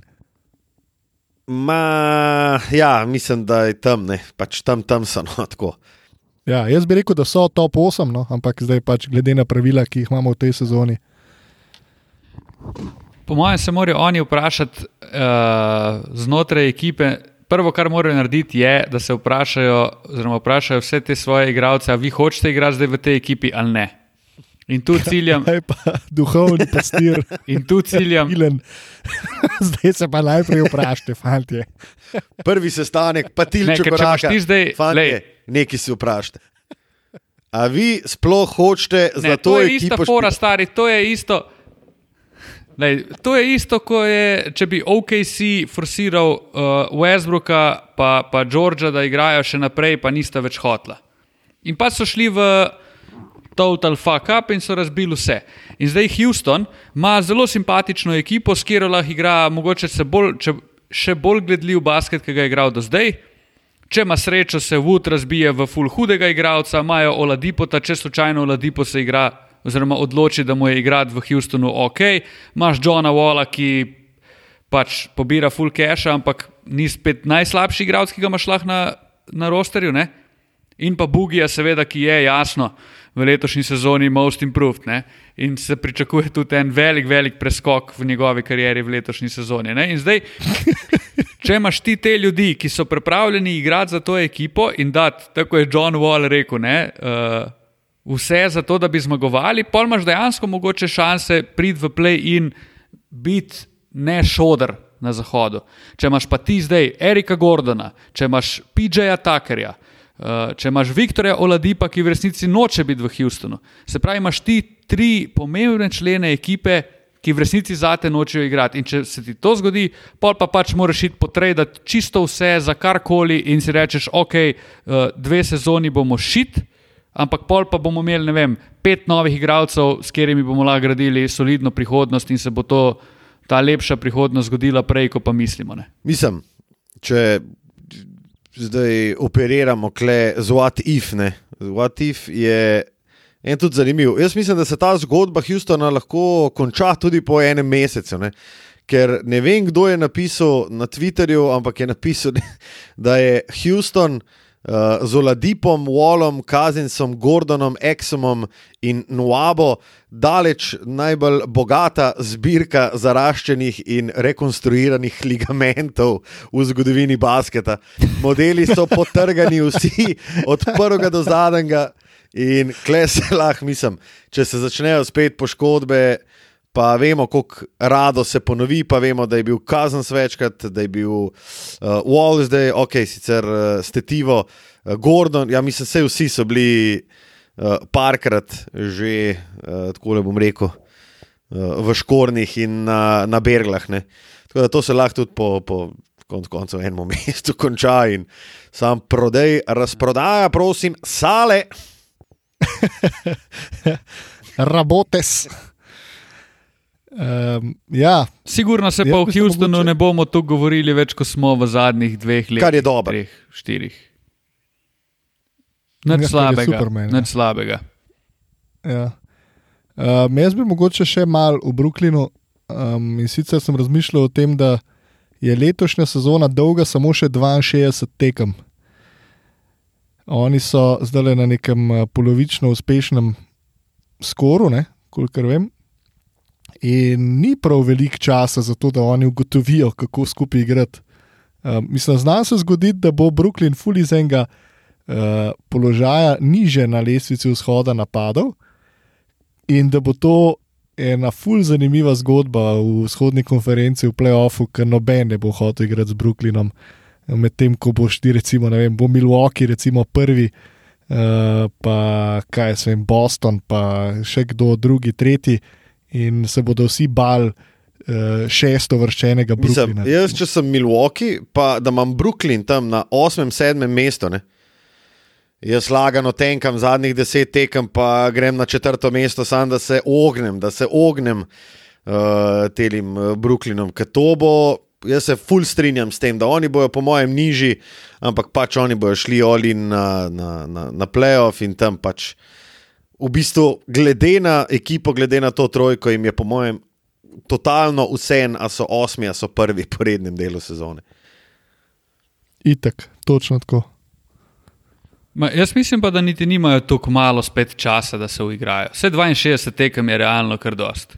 Je dost, če so recimo trenutno vsi pripravljeni na igro. Ne? Mislim, če bodo zdaj še 30 tekem se zabavali, pol bo zmanjkalo časa, logično. Ne? Ja, mislim, veš, zdaj je recimo Kajri vprašanje, kdaj bo nazaj, ne? ker verjetno ga bodo še skozi neke protokole fuknili. Ja, Kajri naj bi bil, on naj bi bil nazaj, zdaj, zdaj. Aha, no, super. Meni je to kar malo bizarno, glede na to, kaj se je dogajalo, ampak ok. Um, no, je, mislim, hočem samo reči, da si jih se bo še kaj zgodilo, da ne bodo mogli skupaj igrati. Ja, ja, ja. Uh, jaz bi mogoče še rekel, uh, da če ima Sean Marks res velika jajca, naj pliz zamenja še Irvinga za Westbrooka, pa sem gremo, stari. Pol pa, pol pa jaz ratam navijač Brooklyna. Jaz pol ratam navijač Brooklyna, res, ker zdaj nisem navijač Brooklyna in mm, dvomim, da bom, ampak če pa zamenjajo za Westbrooka, Irvinga, pa pa definitivno bom. To bi bilo pa meni čist noro. Ja. čist noro. To, ampak to bi bila res zelo, zelo pogumna poteza Šona Marksa. Uh, pa taka, taka poteza. Ja, definitivno. Kao, Mislim, da jaz sem že tako. Pa pol bi, po mojem, imeli, uh, sorry, Luka, ampak uh, pa bi imeli, po mojem, una vsota bi narasla še za kakih 10 mil, po mojem. Ja. Imeli bi 125 mil, bili bi over the cap space s tremi igravci. Mislim, glede na to, da pa nam rekel, da je Filadelfija šopala Bena Simonsa. Ne? Jaz bi recimo Bena Simonsa dosti hitro vzel uh, za, mislim, straight up za Irvinga. Um, Ja. Zato, ker mislim, da bo pač vse en boljši fit, ker ne rab toliko žoge, kot jo rab Irving, konc koncev. Um, dajmo se mogoče mičkom pogovoriti o tem, ali bo uh, Hames Harden uh, uspel, oziroma se bo podredil ekipi, ali bo. Eh, tudi svojim nekdanjim prijateljem, napadalnim gurujem, eh, asistentom Steva Neša, Majkom Dentonijem, gojil podoben slog košarke, kot ga je pri Houstonu. Kaj misli ta fanta? To, to je meni zelo dobro vprašanje, ki sem si ga danes tudi sam postavil. Um, in nisem še našel odgovora na to vprašanje. Jaz se, jaz se bojim, da bo James Harden hotel igrati zelo podoben basket, kot ga je igral v Houstonu z D'Antonijem. Obenem pa to odpira še novo vprašanje, da je tam bil James Harden zdaj zadnje dve leti, kljub temu, da je igral s polom in tako dalje, v bistvu navajen igrati enko. Ne? Vsi pa vemo, kak ego je tudi Kyrie Irving in da Kyrie Irving si bo zdaj pa moje roko odrezal, ko bo se bo zbudil iz svojih sanj, v katerih živi zadnji teden in bo skušal, da je dejansko tretji igralec ekipe, v katero je prišel z željo, da je prvi igralec ekipe. Ne, in njemu se bo Ja, sem, to je njemu res. se bo sem keglat začelo. Ne? In zdaj ona dva se bo tako kot prvo mogla zmeniti, kjer bo bil organizator igre. Najhujša stvar pri tem vsem je pa, da je pač profesor te ekipe še skozi Kevin Durant in to sploh ne sme biti sporno. Ne? Če me vprašaš, je KD najboljši igralec, to mora biti jasno. In se sem bojim, da ne bo on talec, ker v vsakršno trojko, ki smo jo imeli, naj bo to KG, Pierce, pa, pa Allen, naj bo to Miami Big Three, uh, naj bo to Love, Irving, LeBron, pač kjerkoli, kdorkoli, ko so bili trije skupaj, je en mogel konkretno step downat, pa reči, ok, jaz pa ne bom več zdaj porabil 25 žog na tekmo, ampak jih bom porabil 15, pa bom naredil neke druge stvari zraven. Jaz ne vidim, da bi James Harden imel voljo delati neke druge stvari zraven. Jaz ne vidim, da bi Kyrie Irving razumel, kaj te druge stvari zraven so. Ne? In je tu sem Kevin Durant, un, ki bi mogoče lahko kaj naredil zraven še, ampak tega je pa škoda delati, ker je on pač predober za to in on mora igrati najbolj un basket, ki ga hoče Ja, igrati. vse so mogoče vsi malo predobri za to, ne? to imaš v bistvu full prav. Ne? Ampak jaz mislim, da bomo celo pozitivno presenečeni nad uh, Hamesom Hardnom. Jaz se strinjam z Lukom. Ja, jaz tudi mislim, da če, si, če greš zavedno v to, v smislu, da si že nekaj časa nazaj povedal, da je Brooklyn tvoja destinacija, številka ena, um, da se verjetno vsaj do neke mere pa zavedaš, da to terja tudi neka odrekanja z tvoje strani. Tako da jaz tudi mislim, da bomo pozitivno presenečeni, ker um, ne vem, no, mislim, hočem, hočem si, hoč, malo si lažem, hočem si misliti, da se bo James Harden malo prilagodil. Um, in ne predstavljam si, zakaj bi hotel oni trije skupaj igrati, pa ne bi najdel načina, kako skupaj igrati. Ni, to mi je. To, da bi zdaj en tja prišel in rekel, jaz bom pa zdaj, jaz pa hočem igrati kot sem igral v Houstonu, to se mi zdi nemogoče. Oni so tako sposobni, da morajo enostavno najti način, tu se čist strinjam. Oni morajo najti način, kako dobro igrati skupaj. Sam je pa vprašanje, ko ste enkrat navajen biti kralj, kako si pripravljen iti nazaj. Ne, ne vem. Ja, to bo v bistvu najbolj zanimiva stvar tega eksperimenta. Jaz bom v bistvu šel še korak naprej, pa bom vprašal, a vi da pričakujete, da bo Brooklyn letos osvojil? Oziroma ne, bom vprašal tako. A pričakujete, da bo Brooklyn najboljši na vzhodu, torej se uvrstil v NBA finale? Jaz bi rekel, da ne.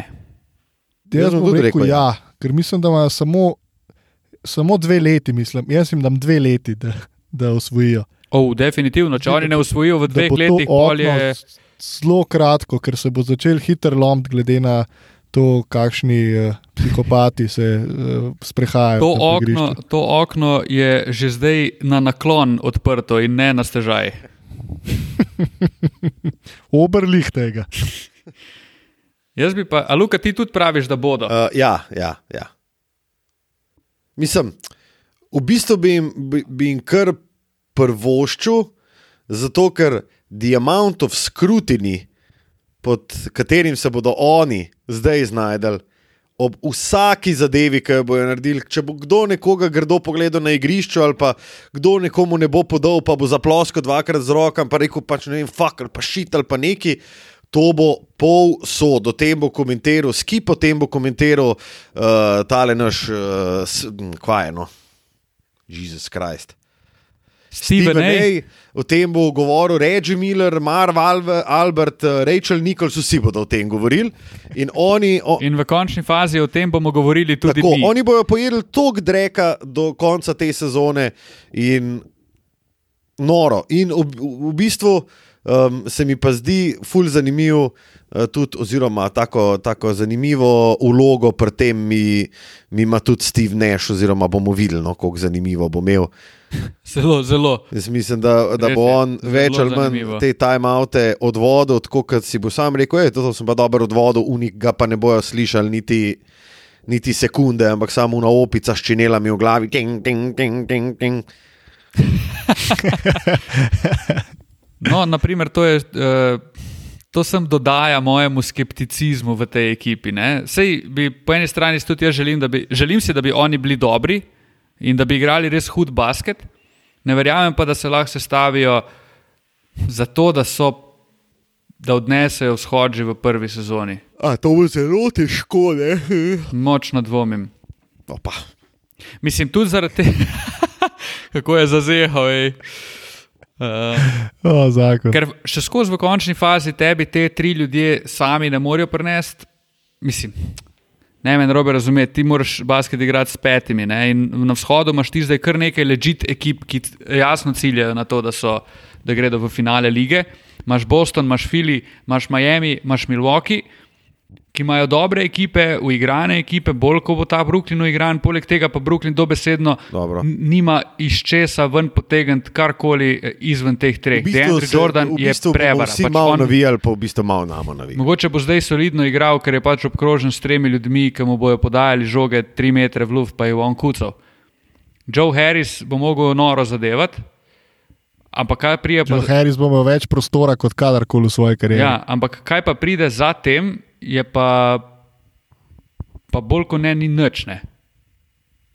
Ja, sam lik za to jih jaz vidim kot uh, ekipa, ki bo imela težave v rednem delu in ekipa, ki je v play-offu. Bomba ali nasilno Glej, Lahko da ni nič za temi tremi, ampak ne rabiš nič za temi tremi, če že govorimo o napadu. Pač ne rabiš. Če je eden izmed njih skozi na igrišču, imaš rešitev v napadu. V vsakem primeru. Ja, točno to me Ja, ja, čaka. načeloma bi to moglo veljati.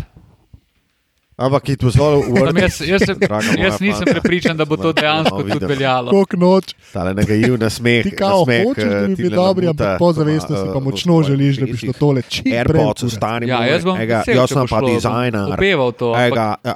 Po A vidiš, tole bajta želel sem to si, da gre pa jaz za Harden v Brooklyn stari. ker Za arhitekturo. pač, da bo to rekel. ena nora ekipa, v kateri bomo spet lahko pogovarjali. To je good TV, to je, dobra televizija. to je tudi Ja, ja, malo dobro. reality Eh, zdaj tam. In ne smemo pozabiti tudi na dejstvo, da se vse skupaj dogaja v New Yorku. Ne?